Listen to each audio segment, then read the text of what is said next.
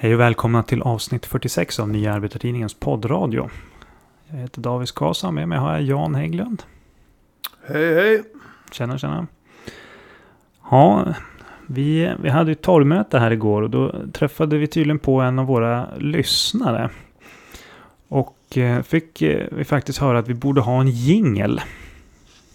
Ja, det borde vi ha. Och jag brukar ju sjunga Heartbreak Hotel. Från, eh, inspirerad av Elvis på torgmötena. När inte de andra i partiet drar ut eh, sladden. Så Ja. det kan ju alltid vara någonting. Det är bara en vers visserligen. Men Då måste vi betala royalties till Elvis, det är det som är problemet. Ja, sen fick vi höra att vi... Eh, vi, hade en, vi var sävliga också. Eh, I tonfallet där. Och det, det är ju ingenting som vi kan göra någonting åt. Ehm, däremot en jingel kan vi ju faktiskt jobba på att fixa. alltså man pratar ju sävligt för att både han och hon och den och det. Och svenskar och de som är född med svenska språket och de som har lärt sig det ska kunna hänga med. Va? Ja, precis. Ja, det var ju inte en så bra kommentar om man får säga min uppfattning. Ja, det är ändå roligt att träffa på lyssnare så här på, på eh, stan som ger lite feedback. Ja, det var ju väldigt roligt att vi har lyssnare överhuvudtaget. Precis. Nåväl, vi ska gå in på dagens ämne här. Och det var en bra kommentar där med jingel. Det, Ja, det, ja. det, det kan man göra. Men, men sävligheten den, den är ju svår. Ja, precis. Om man, man inte kommer upp i varv. Va? Och det, det brukar vi göra här. Jo, exakt. Eh, idag är vi tillbaka till att diskutera Corona. Och eh, det vi tänkte prata om idag, det handlar om valet av strategi när det gäller att bekämpa spridningen av viruset. Det är ju mycket diskussion om man, om man följer medierna i Sverige. Att, att Eh, det handlar om antingen att man gör en stor och eh, hård lockdown. Ungefär som man gjorde i eh, Hubei-provinsen i Kina. Som man gjort i en rad delstater i USA. I Italien, Spanien, Frankrike och så vidare. Eller att man istället ska göra som mini-lockdowns, eller vad man ska säga. Det som man har gjort i Sverige, som i princip inte är någon lockdown, utan att man har infört en del begränsningar. Och att det är liksom där skillnaden i strategi är. Antingen stänger vi ner, eller så har vi som i Sverige, att vi har som öppet det mesta. Eh, och eh, så är ju inte riktigt valet då. Men, men innan vi går in på, på det strategiska valet där så jag tänkte vi skulle börja en annan ände. Det är ju så att igår så eh, var det, idag är det söndag. Igår var det lördag den 13 och då hävde man ju reserestriktionerna i Sverige. Eh, nu så får man resa hur man vill i hela landet. Eh, more or less. Till skillnad från tidigare när man hade en gräns på en till två timmars bilresa. Då, eh, som maxsträckan. Och det här är ju oroväckande med tanke på en studie som jag vet att du har kikat på. Vad är det för studie? Ja, det är en, eh, en, en eh, studie från en forskargrupp vid Umeå universitet. Där bland annat Joakim Rocklöv som har varit med i olika tv-program och bland annat på ett tidigt stadium diskuterade, debatterade med Anders Tegnell. Och den här forskargruppen visar på faran med att släppa på re- restriktionerna för snabbt. Alltså till exempel att eh, göra som Sverige gör nu. Det är min eh, slutsats, inte deras. Jag ska inte lägga ord i deras mun. Men Mm. det, det var forskargruppen varnar för. Att släppa på restriktionerna för snabbt. Mm. Jag vill bara också säga att eh, svenskar är numera inte välkomna till de nordiska grannländerna men till Polen.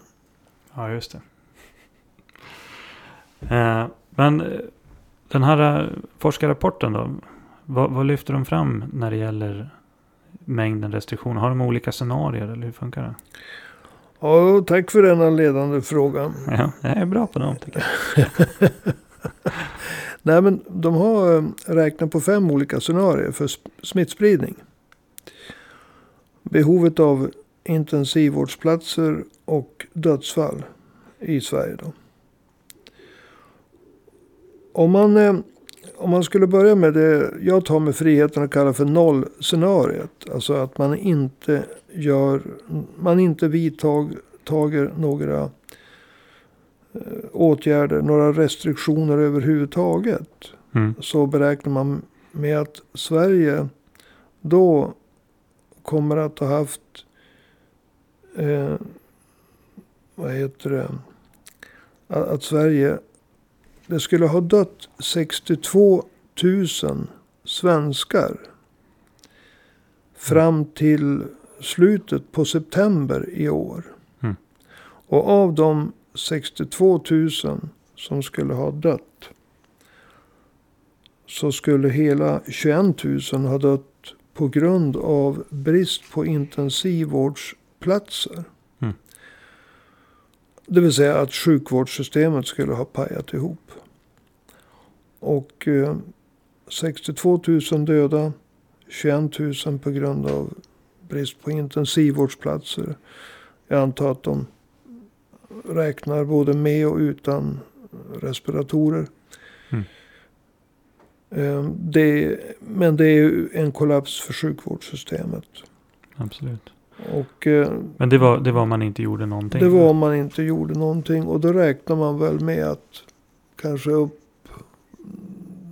Jag kan inte den siffran utan till. Men då räknar man väl med att kanske uppåt 90 procent av, av, av befolkningen skulle ha haft blivit smittade av coronaviruset.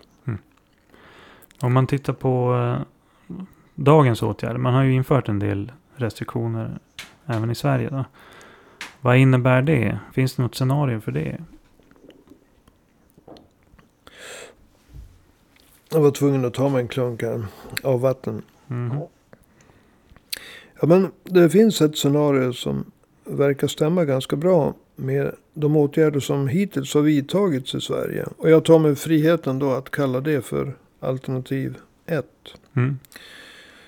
Och där minskas de sociala kontakterna. Om man eh, tänker sig personer under 60 år.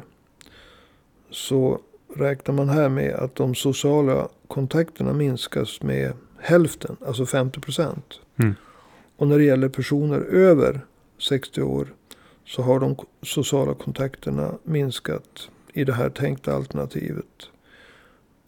Som då stämmer ganska bra överens med vad som har hänt i Sverige. Över 60 år så har man minskat de sociala kontakterna med cirka 90 procent. Och om Sverige skulle fortsätta på det här. Vi kan kalla det för alternativ 1. Mm. Ungefär som vad Sverige har gjort. Om Sverige fortsätter att begränsa de sociala kontakterna enligt detta scenario. Alltså med 50 procent under 60 och med 90 procent över 60. Då beräknas aldrig sjukvårdens kapacitetstak komma att överskridas vad gäller till exempel behovet av intensivvårdsplatser. Just det. Däremot innebär scenariot att hela 3,2 miljoner svenskar riskerar att ha smittats med coronaviruset fram till och med september. Alltså slutet på september i år. Ja. Och till det kommer att nästan 9000 personer kommer att ha avlidit på grund av coronaviruset. Mm. Och, och, och de, de symptom som de har, det, den, det har gett. Just det. Hur många är det vi ligger på idag? Ja, Folkhälsomyndighetens senaste datering innebär att eh, Sverige tyvärr närmar sig 5 000 döda.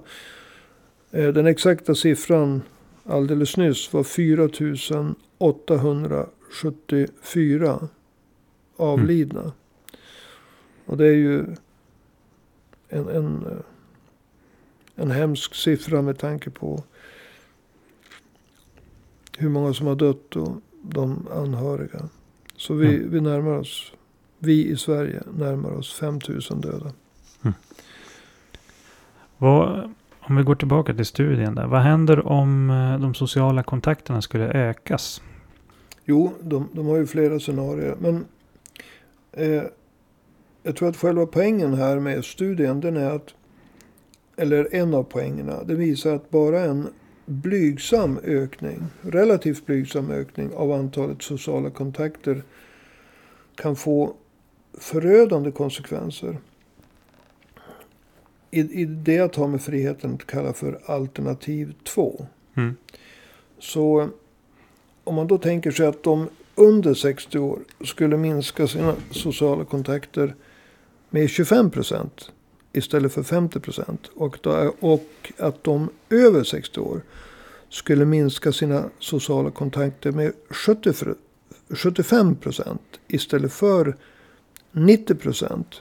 Mm. Så, så blir det alltså dramatiska effekter. Mm. Eh, antalet smittade skulle öka från eh, 3,2 miljoner till eh, ja, 90 procent av befolkningen. Alltså 9 miljoner människor. Ja. Alltså tre gånger så många. Och när det gäller antalet döda så, ser vi, så skulle vi få se troligtvis en ökning från eh, 9 000 fram till och med slutet av september månad till 50 000. Mm. Och precis som om man inte vidtog några åtgärder alls. Det jag kallar för eh, nollalternativet. Så skulle sjukvårdssystemet kollapsa. Alltså 15 000 skulle då ha dött på grund av brist på intensivvårdsplatser. Mm. Så att tre gånger så många smittade. Eh, en ökning av antalet döda från 9 till 50 000 och ett kollapsat sjukvårdssystem. Det skulle alltså kunna bli den dramatiska effekten. Enligt den här forskargruppen. Ja. Om de under 60 minskar sina sociala kontakter med 25 procent. Istället för som vad som ungefär stämmer med dagens läge. Cirka 50 procent. Och de över 60 år skulle minska sina sociala kontakter med 75 procent istället för ja, cirka 90 procent. Ja. Det blir en väldigt, väldigt skillnad. Så det är därför det är oroande att man nu börjar släppa på restriktioner. Ja, alltså det är därför som åtminstone jag och jag tror att poängen med vad forskargruppen är ute efter att visa. Som, som jag har tolkat det. Det är ju att, att Alltså de kom väl med, med sin forskarrapport innan regeringen vidtog Jo. åtgärder. Och de varnar ju för att släppa på de här restriktionerna för tidigt. Mm.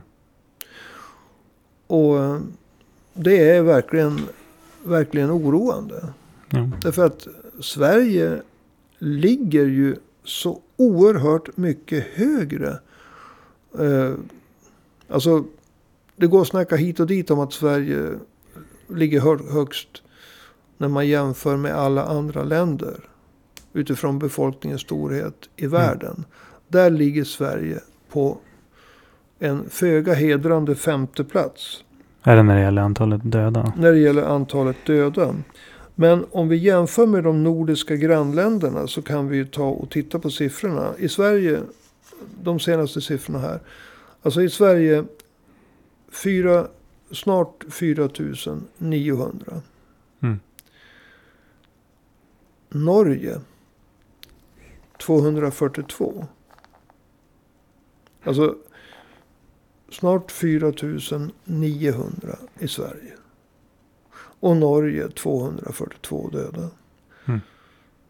Finland 325 avlidna. Och Danmark strax under 600 avlidna. Ja. Så jämfört, jämfört med Sverige, alltså Norge och Sverige så har Sverige, alltså kanske, ja, Sverige har 20 gånger fler avlidna på grund av coronaviruset än Norge. Så man får ju förstå de norska myndigheterna som eh, stänger gränsen. Mm. Ja, de avråder ju från resor till Sverige dessutom. Ja. Jo, Så det här är ingenting att leka med. nej verkligen Så inte. det har, det har uppstått alltså en stämning i samhället. eh, Inte alls inom eh, många, alltså hos vissa grupper. Jag vill Mm. betona det. Om att ja, men nu får det väl ändå vara nog. Nu lyser solen. Ja, den som kostar på sig den slapp, slappa, intellektuellt eh, hållningslösa och moraliskt förkastliga attityd måste då lägga till att solen har börjat lysa, man går med kortbyxor och jag är beredd att offra farmor eller mormor. Mm. Lägg, glöm inte farmor och mormor. Jag blir rent förbannad över denna slapphet. Och Mm. mora, mora, moraliska slapphet och intellektuella hållningslöshet. Mm. Jag blir upprörd alltså. Jo, nej, man blir Och det är en del eh, studenter som, eh, alltså så kallade studenter. Man går ut gymnasiet vill jag bara poängtera. Eh, som, som eh, vad heter det, inte verkar leva för något annat än att ta på sig den vita mössan. De kan ju fixa det. Men eh, att tidningarna blåser upp det. Det är tidningarnas fel. Det är tidningarna som gör det där till ett stort problem. Att det finns några studenter som inte eh, får springa ut med mössan. Det är klart att det är kul. Man skiljs ju från sina eh, kompisar och det vill man göra på ett liksom värdigt sätt. Det kan vara sorgligt att skiljas från, från kompisar. Men att, eh, och att det finns en debatt bland unga människor som kanske inte tänker så mycket på farmor och mormor. Det är fullt begripligt. Men att tidningarna gör en stor sak av det och blåser upp det. Det gör mig förbannad på Ja. tidningarna. Ja. Vad heter det? Vi börjar glida från ämnet lite grann. vi ska gå men, tillbaka eh, till... De eh, sa ju att vi var lite, vad var det? Vad var det? Slöa eller sävliga eller någonting. ja, vi hade ett sävligt tonfall. Det var Ja, ju inte ja. en negativ eh, Ja, ja, men alltså, recension av det hela. det- Vi måste gå att, tillbaka eh, till valet av strategi. här. Ja, ja, men alltså. eh, Va, försök inte mästra mig och Leif GW Persson här. Du, det är så här va. Eh, det är ju huvud, huvudtemat här. I och med att man har i Sverige försökt få fram från officiellt håll bilden av att det står mellan lockdown och inte lockdown. Men- Mhm. Vad är de två valen av strategi egentligen? Det här är ju också något som forskarrapporten tar upp va? Ja, alltså de som kan mer än vad jag kan. Men man eh, har ju en, en, en skyldighet tycker jag att sätta sig in i de här frågorna. Det är att man pratar om eh, suppression och mitigation. Mm. Och eh, suppression. Det, det bygger ju på att man kan genomföra masstestning av befolkningen. Att man följer upp masstestning med smittspårning. Mm. Och man eh, isolerar de som har blivit smittade. Och de som kanske har blivit smittade. Jag tror det är väl i, i de fallen man pratar om karantän. Alltså på ett för, förebyggande sätt. Mm. Men alltså för att göra det enkelt. Masstestning, eh, smittspårning och isolering av de smittade. Och då behöver ju isoleringen inte vara av enorma områden. Jag, menar, jag tänker på att man stängde ner en tredjedel av Finland. Mm. Utan man kanske stänger ner en familj, en trappuppgång, en mindre arbetsplats. Mm. Därför att den här smittan, den kan ju komma igen och igen. Och på olika platser. Ta ett gigantiskt land som Kina. Mm. Alltså man skulle stänga hela Kina. Med tanke på att de har snart en och en halv miljard invånare och en enorm landyta. Mm. Det går ju inte. Utan man måste ju. Alltså coronasmittan. Coronaviruset sticker upp sitt fula, ovanligt fula huvud, ansikte här och där. Och då måste man sopa till. Men det kan man inte göra genom att stänga ner hela landet varje gång. Man måste masstesta, smittspåra och isolera och därmed slå ner smittan där den sticker upp. Men det. landet i övrigt, i övrigt måste kunna fortsätta i så hög utsträckning som möjligt att fungera. Man kan inte ha ett land, oavsett om det är ett stort eller litet, nedstängt hur länge som helst. Nej. Så man måste satsa på det här. Och jag, jag, jag är så förvånad över att det har tagit så lång tid i Sverige att verka fatta det här. Masstestning, smittspårning och isolering. Mm. Och då kan man, jag jag vill lägga till det. Då kan man, om man inte är redo för det, om man inte har resurserna, om man till exempel har avvecklat sina beredskapslager, skrotat en massa respiratorer som Sverige har gjort.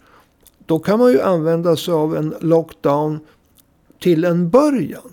För att utnyttja tiden till att ska- skaffa sig kapaciteten att masstesta. Mm. Att smittspåra och att isolera. Men när den väl är på plats. Då kan man lätta på åtgärderna. Inte för att man lättar på den totala kampen mot coronaviruset. Utan för att man använder en lockdown för att skaffa sig den här kapaciteten om eh, masstestning, smittspårande och isolering. Mm. Och låter det ta, ta över. Eh, vad finns det för fördelar och nackdelar då med, med den här eh, suppression-strategin då? Ja, du har ju nämnt en del fördelar. Ja, en annan fördel det är naturligtvis att om de friska delarna av samhället kan fortsätta att fungera så kommer ju inte den ekonomin att drabbas. Alltså, jag, jag, jag vill poängtera att jag sätter folkhälsan före ekonomin i det här läget. Jo. Men om man kan Alltså alla förstår ju att det här är oerhört allvarligt för ekonomin. Går den dåligt så blir det massarbetslöshet. Och det kommer att i sin tur skapa oerhörda problem. Och även en ökad dödlighet på andra fall. Men själva sjukvården kommer ju också att... Eh, man kommer inte att överskrida kapacitetstaket. Sjukvården kommer att inte att utsättas för sådana enorma påfrestningar. Alltså så att kapacitetstaket överskrids. Och kostnaderna för att göra desperata tvärsatsningar kommer inte att bli så enorma. Men jag vill inte ställa, alltså vi, vi, vi får inte titta på pengarna när det gäller att rädda människoliv. Nej, Men vi måste ju inse i längden att ett samhälle klarar inte av att bära hur stora kostnader som helst. Mm. Så om man använder sig av suppression så är min uppfattning att man för det första räddar fler människoliv.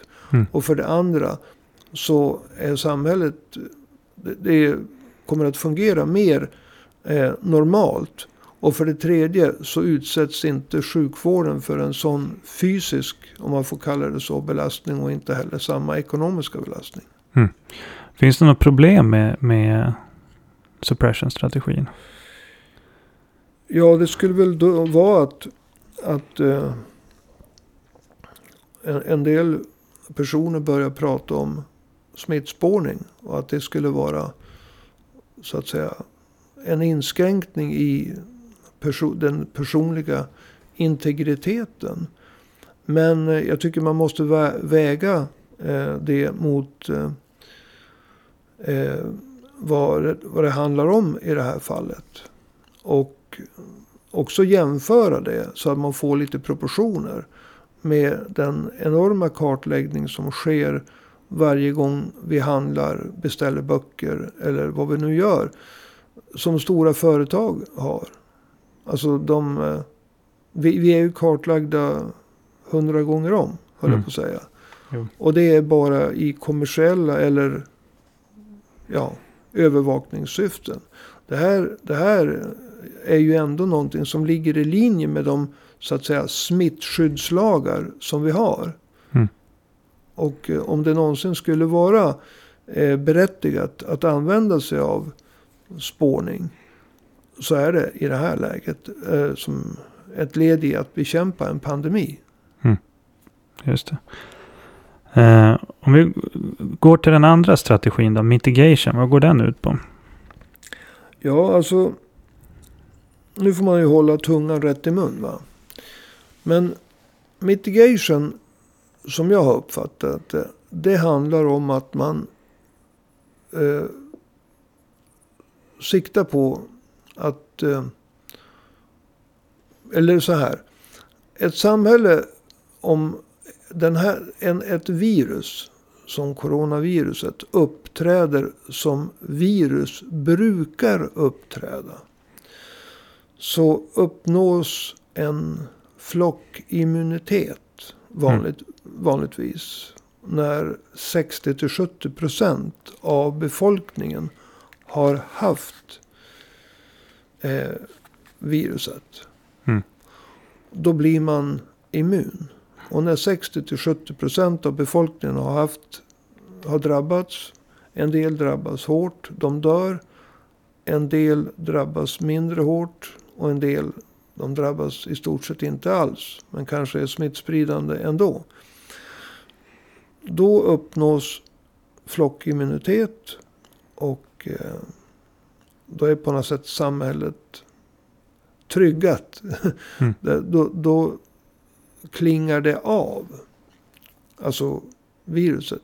Det mm. kling, mm. klingar av. Ja, det kan som inte sprida sig vidare Nej, till folk. Det, det får inte fäste så att säga. Ja. Och då försöker man eh, se till att spridningen av viruset hålls nere under sjukvårdens kapacitetstak. Mm. Så att inte allt för många, om vi tar Sverige, blir sjuka samtidigt. Så ja, att inte man passerar sjukvårdens kapacitetstak. Exempelvis när det gäller intensivvårdsplatser med respiratorer. Mm. För att då inte folk ska dö på grund av att de inte kan få en respirator när de behöver det. Eller syrgas när de behöver det. Mm. Men man räknar med att eh, den ska, alltså den, alltså viruset, coronaviruset, ska arbeta sig igenom befolkningen. Mm. Och förr eller senare så uppnår man då flockimmunitet. Så i praktiken så strategin mitigation det innebär inte att man slår ner viruset på något sätt? Nej, det, det gör det inte. Det, man slår ner i, i så måtto att man inte vill att, att, eller att för många människor ska vara smittade samtidigt. Mm. Därför att då kan man passera sjukvårdens kapacitetstak. Mm. Inte minst intensiv, antalet intensivvårdsplatsers ja. kapacitetstak. Men man slår inte ner på det sättet att man försöker slå ihjäl det. Där det visar sig i form av att man masstestar, man smittspårar och isolerar. Utan man låter det passera. Men i kontrollerade former. Mm. Eh, avveckla kärnkraften. Men med förnuft. Och mm. man kan väl säga att mitigation, om man nu får ha galghumor. Är att låt eh, coronaviruset så att säga gå igenom befolkningen. Men med förnuft. Det är ja, tanken. Det. blir lite ironiskt dock att säga med förnuft. ja, smitta en befolkning det, det, med ett nytt ju, virus. Det är ju med förnuft. Alltså man kanske ja. säger låt, låt uh, coronaviruset ta sig igenom befolkningen under kapacitetstaket. Ja. Vilket då skulle stå för förnuftet. Just det. I mitt. Vad, vad finns det för några ja, fördelarna det är väl det som du beskriver då, att man uppnår en immunitet i befolkningen. Vad finns det för nackdelar? Ja, nackdelarna den är ju att för det första bygger ju det här på ett antagande att coronaviruset ska uppträda som alla andra virus. Inom citationstecken. Alltså, när jag har vuxit upp då har man ju vuxit upp med föreställningen om att om man har haft en viss sjukdom. Då är man immun. Mm. Om inte hela livet så åtminstone nästan hela livet. Det finns ju olika synpunkter. När det gäller, alltså olika forskare hävdar ju olika saker. Olika rapporter och utredningar hävdar olika saker. Det verkar vara lite si och så enligt vissa. När det gäller immuniteten. Mm. Eh, man kanske bara blir immun under en viss period. Mm. Frågan har, har ställts. Därför att olika utredningar pekar på det. Andra utredningar pekar åt annat håll.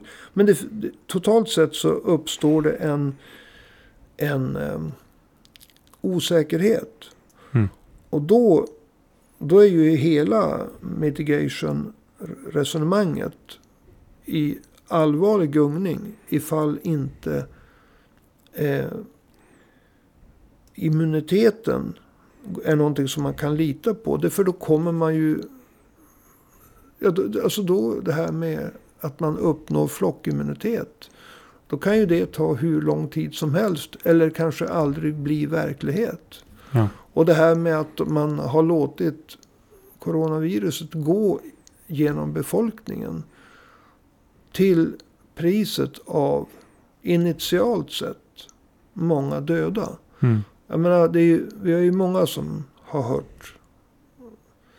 Eh, jag ska inte nämna några namn. Men representanter för samhället säger att. Ja, vi, visst, det har dött många i Sverige nu. Och det har dött många färre i de nordiska grannländerna. Men eh, vi ska vänta med utvärderingarna till, låt oss säga, om ett år. Mm. Då kommer nog de att ha lika många döda som oss i Sverige. Grovt sagt så har snacket gått så. Jo. Men om inte immunitet uppnås. Om flockimmunitet inte uppnås. Så kommer det inte att bli så. Nej. I alla fall inte i den utsträckning som man har räknat med. Utan om man skulle vara cynisk. Då skulle man säga att Sverige tar en väldigt hård stöt i form av många döda eh, i början. För att så att säga ha gjort bort det värsta. Mm. Det, det viktiga är att man inte kap- passerar sjukvårdens kapacitetstak. Man förlitar sig på att det ska uppstå en immunitet eh, hos var och en som drabbas. Och sen så ska det uppstå en flockimmunitet som så att säga skyddar hela samhället, det svenska Mm. samhället. När, man, när eh, coronaviruset har så att säga svept genom befolkningskroppen och 70, 60-70 procent har fått det. Mm. Då skulle så att säga samhället vara säkrat. Mm. Men det här bygger ju som sagt var på någonting som börjar... Ja, det finns ingen enighet om det. Nej, det finns ingen enighet om, om eh, eh, immuniteten.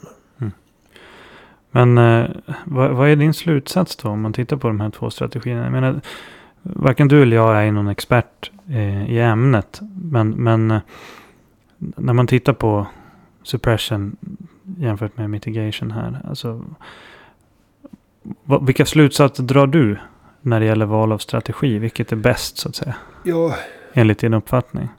ja, jag, jag, jag vill vara lite ödmjuk. Det strider mot min karaktär kanske. Men, nej men. Eh, eh, jag, man måste vara ödmjuk överhuvudtaget. Det kanske inte man kan visa alltid. Men jag är en, naturligtvis en påläst amatör. Jo. Åtminstone någorlunda på, påläst. Jag är inte någon expert.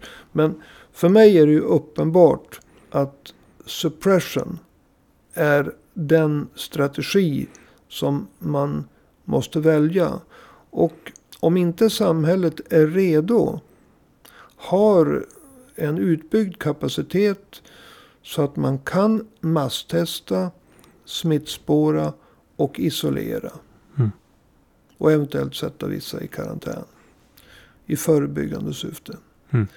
Så då kan man till en början använda sig av lockdown. Till exempel i ett område som Stockholm. Eh, och på andra orter.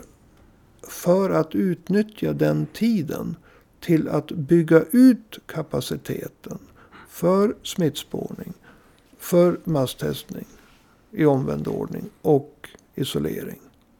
Men syftet med den lockdown, den är att, att hinna bygga upp en, en, en apparat för suppression. Mm. Så det är det som jag absolut tar ställning för i den här diskussionen. När vi så att säga mer eller mindre renodlar två alternativ. Mm. Men de finns, de här alternativen. Och de diskuteras. Sen kanske man inte i ett samhälle kan renodla dem. Men mm. när vi renodlar dem så är det uppenbart för mig att man ska välja suppression. Eventuellt om man har avrustat beredskapslagren. Om man har gjort sig av med respiratorer. Kombinerat med en initial eh, lockdown. Mm. På vissa platser där det behövs. Yes. Alright. Tiden börjar gå mot sitt slut här. Eh, men eh, som vanligt, du får gärna säga några avslutande ord. Och eh, är det på grund av min ålder eller? Any final words brukar du säga. Ja, men avslutande ord. Det är ju mer liksom. För den här gången. För den här gången. Ja, ja. ja. Ja, du vet. Senaste gången eller sista gången. Det, mm. det är ju annorlunda. Precis. Och, och eh, avslutande ord den här gången. Eller avslutande ord är också annorlunda. Man får, mm. tänka, hur, man får tänka sig för nu hur man uttrycker sig i de här mm. tiderna. Det vill jag Precis. bara på. Precis. Nej men. Eh, jag skulle vilja säga så här att. Sverige har inte rosat marknaden. När det gäller kampen mot coronaviruset.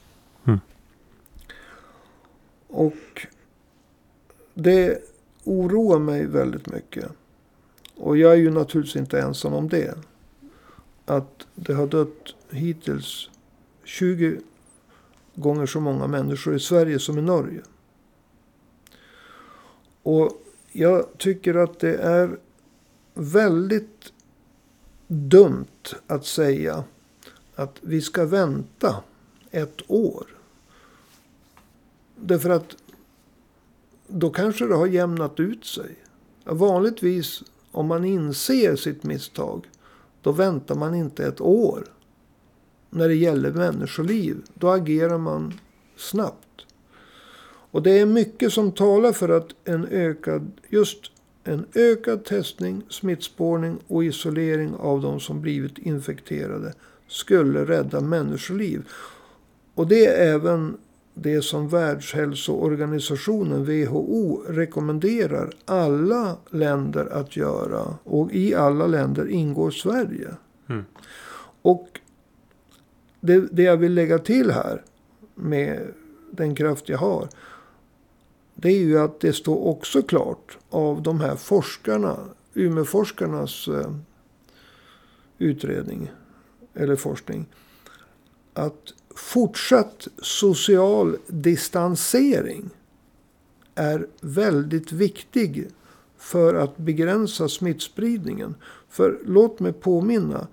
Om vi jämför alternativ 1 som är ungefär vad Sverige har gjort. Mm. Med alternativ 2 där man släpper på den sociala distanseringen. Så i de två alternativ vi har pratat om så skulle alltså antalet smittade öka från cirka 3,2 miljoner till 9 miljoner. Alltså tre gånger så många smittade. Och antalet döda fram till och med slutet på september månad i år skulle öka med eh, från 9 000 till uppåt 50 000. Och den tredje och sista skillnaden den är ju att i det första fallet så klarar sjukvården eh, kapacitetstaket överskrids inte. Men i det andra fallet, där man släpper på den sociala distanseringen, då kommer folk att dö även på grund av att sjukvårdssystemets kapacitetstak överskrids. Mm. Så suppression, fortsatt social distansering är mycket viktigt. Och det är därför som jag och många, många andra oroar sig över att regeringen har meddelat att de restriktioner, vissa, vissa av de restriktioner som gäller för resande ska hävas. Och varför det är oroande, och det vill jag betona, det är dels åtgärderna i sig. Mm. Men eftersom de här åtgärderna kommer i en allmän atmosfär av upplösning. Får det inte vara nog nu, nu är det sommar. Mm. Så tror jag att eh, det blir inte bara de effekter. Att, alltså att... Du tänker att det är inte bara resandet som nej, folk det, kommer... det blir inte bara resandet utan det blir den allmänna respekten överhuvudtaget för Mm. 50 eh, personers gränsen för om man träffar farmor och mormor och så vidare. Alltså det, det på, påskyndar uppluckringen av respekten för dödligheten i coronaviruset. Mm. Av coronaviruset. Just det. Du, eh, tack för idag i så fall. Vad bra avslutande ord tycker jag. Ja, eh, alltså man är ingen expert. Men om man eh, så att säga är aktiv politiskt och vill höras i media. Då, då måste man sätta sig in i de här frågorna så mycket som man kan som lekman. Och då måste man ta ställning. Mm. Och eh, det försöker jag göra. Det är bra det. Ja, du som lyssnar. Eh, om du tycker att det här var ett intressant program så är du ju alltid välkommen att stödja podden. Eh, vi har ett swishnummer som är så mycket som 123 504 7105 123 504 7105 om du hängde med på den här snabba uppräkningen. Dit kan man swisha ett bidrag och eh, det är ju aldrig något bidrag som är för stort. Eh, inte för litet heller, visserligen. Men, men vi har ingen maxgräns uppåt. Man kan ju inte ge mindre än en krona. Så det finns ju som en minimigräns där neråt. Eh, och eh, ja, vi återkommer igen eh, framöver här. Snart är det ju sommar och då kommer vi ha lite grann av ett eh, uppehåll när det gäller podden. Men inte riktigt än. Men vi kommer meddela om när uppehållet blir eh, i, i kommande avsnitt här. Och ja, med de orden så eh, tackar jag så mycket för idag. Så hörs vi igen om en vecka. Hej då!